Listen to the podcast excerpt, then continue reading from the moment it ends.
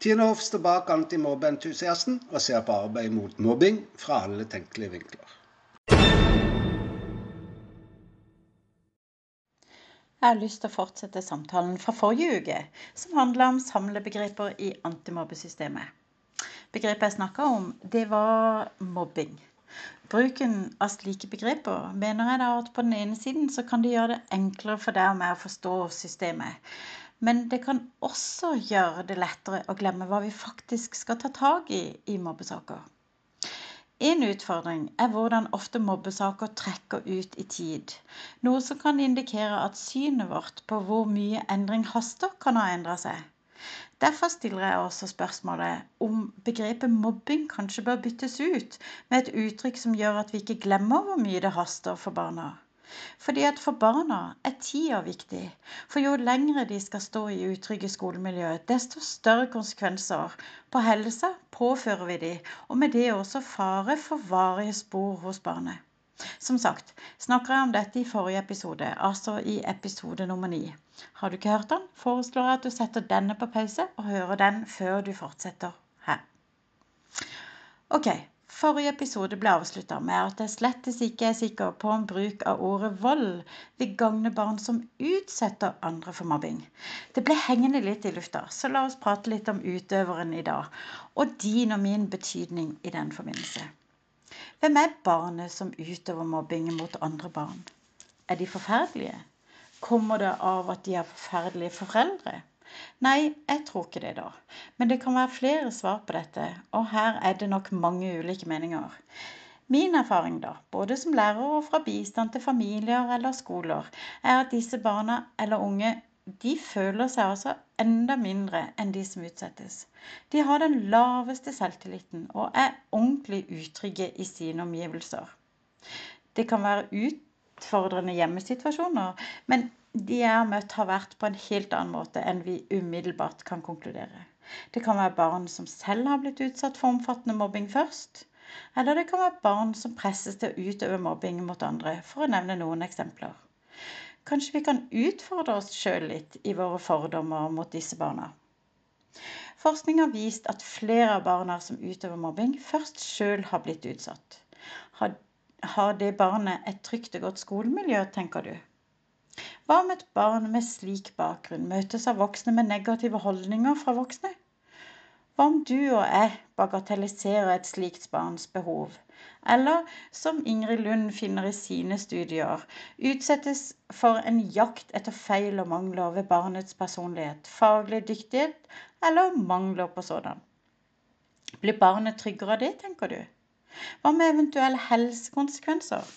kan det tenkes at erfaringene fra å ha blitt utsatt for mobbing har satt så store spor at det også for dette barnet har gått utover konsentrasjonen, at det har fått traumer med triggere osv.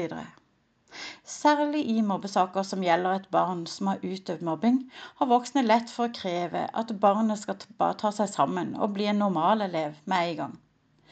Det er nåværende hendelser, altså her og nå, som utøvingen, som gjelder i mobbesaken.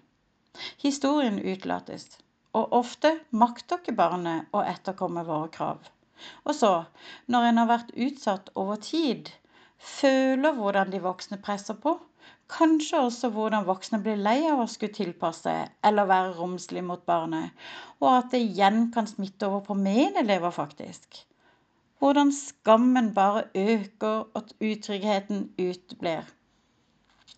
Er det kanskje ikke så rart at det kan være snakk om tid før avmakten barnet føler, kan føre til utagering og en død utøvelse av mobbing mot andre. Det blir altså et selvforsvar. Og akkurat dette er interessant. Som jeg er inne på i episode 7 om mobbingens konsekvenser, kan mobbing føre til endringer i hjernen av stor betydning for barn og unge, og dermed også for utvikling og læring. Her burde jeg huske på viktigheten av selvforsvar. For flere helseforskere hevder at det å stå opp for seg sjøl er en særlig viktig og positiv handling for personer som står i avmaktssituasjoner. Nei, det er ikke snakk om å forsvare mobbing eller bruk av vold, men mer snakk om forståelse for hva som ligger bak handlinger. Ole Georg Lillevik ved Universitetet i Tromsø er en av de som snakker om pasienter i helsesektoren som opplever manglende kontroll på egen situasjon, endog avmakt og hva manglende bevissthet hos helsepersonalet kan føre til. Kan vi lære noe her? Lillevik sier vold er individets motmakt mot avmakt. Det er effektivt fordi det gir påvirkningsmuligheter. Og påvirkningsmuligheter er jo kjennetegnet på hva en person mangler i en avmaktssituasjon. I tillegg oppnår personen å bli sett og hørt, selv om en ikke blir forstått. Her kan vi vel kjenne oss igjen, for barnet oppnår vår oppmerksomhet absolutt når du utagerer eller utøver mobbing, og ofte møtes utøveren av manglende forståelse fra oss voksne. For å unngå fare for bruk av vold da, så foreslår Lillevik å gi tilbake noe av makten ved å anerkjenne barnet. Hvordan kan vi anerkjenne et barn som utøver mobbing?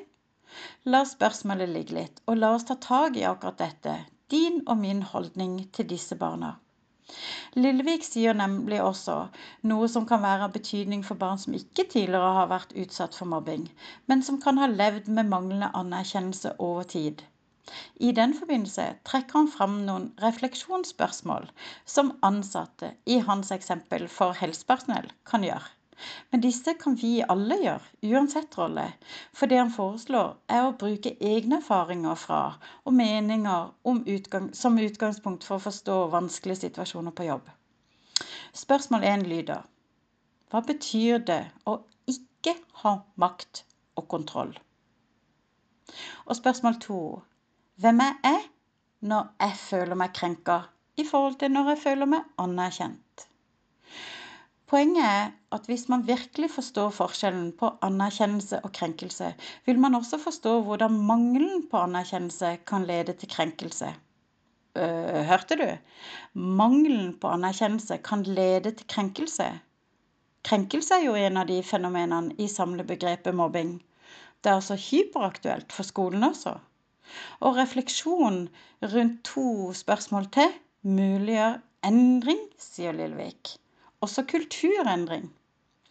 Og de lyder Bidrar jeg til å eskalere en situasjon? Bidrar jeg til å dempe en situasjon? Oversetter vi det Lillevik sier, betyr ikke det også at du og meg som voksne faktisk kan være årsaken til at noen barn utøver mobbing? gjør ikke det bruken av anerkjennelse utrolig viktig. Som sagt, det er mange årsaker som ligger bak hvorfor barn utøver mobbing. Enda har jeg altså ikke møtt et eneste barn som ikke har hatt plenty av årsaker til å føle på avmakt. For skolen er det kanskje mer profesjonelle måter å møte disse barna på enn ved kjeft, straff og negative holdninger. Kanskje de faktisk fortjener å bli forstått bedre. I den forbindelse anbefaler jeg både Lilleviks refleksjonsøvelser, men også skolelederes sikring av ansattes oppøvelse av ferdigheter i det å gjennomføre samtaler med barn i tråd, f.eks. med Fylkesmannen i Trøndelag sine solide beskrivelser. Og i tillegg oppøvelsen av oppfølgingsferdigheter i kjølvannet av mobbing, f.eks. ved bruk av Amfup-skjema, som skolen kjenner til. For å runde av. Barn er barn.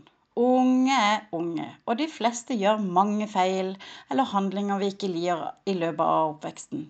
Det har vi ofte stor romslighet og forståelse for.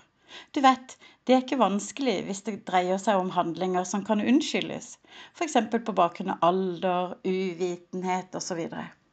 Lærere gjør også det, ingen tvil om det, mens maskineriet som settes i gang når elever utøver mobbing, dreier seg om alt annet enn romslighet. Her er det fristende å minne om at det er ditt og mitt valg av respons som avgjør virkningen det får, både for barnet og for skolen. Å ha barn og unges behov for anerkjennelse langt frem i panna, samtidig med tryggheten som den voksne har i solide ferdigheter i barnesamtaler og oppfølging, kan skape større effekt om det gis nødvendig i større grad. Helt til slutt, la meg være helt tydelig på eget standpunkt. Nei, et barn eller unge utøver mobbing er ikke greit. Men jeg tror heller ikke at barn eller unge er onde av natur. men heller mennesker som reagerer på en situasjon de står i, som vi ikke umiddelbart forstår eller vet noe om. Og til det så spør jeg hvor bevisst er du din rolle som voksen i møte med andres barn? Er det noen barn du ikke liker? Er det noen barn du er lei av? Kan barnet ha plukka opp hva du syns? Hva gjør det med et barn? Hva om din anerkjennelse av barnet kan føre til endringer, fordi barnet får det bedre? Er du villig til å prøve å endre din holdning og se hva som skjer?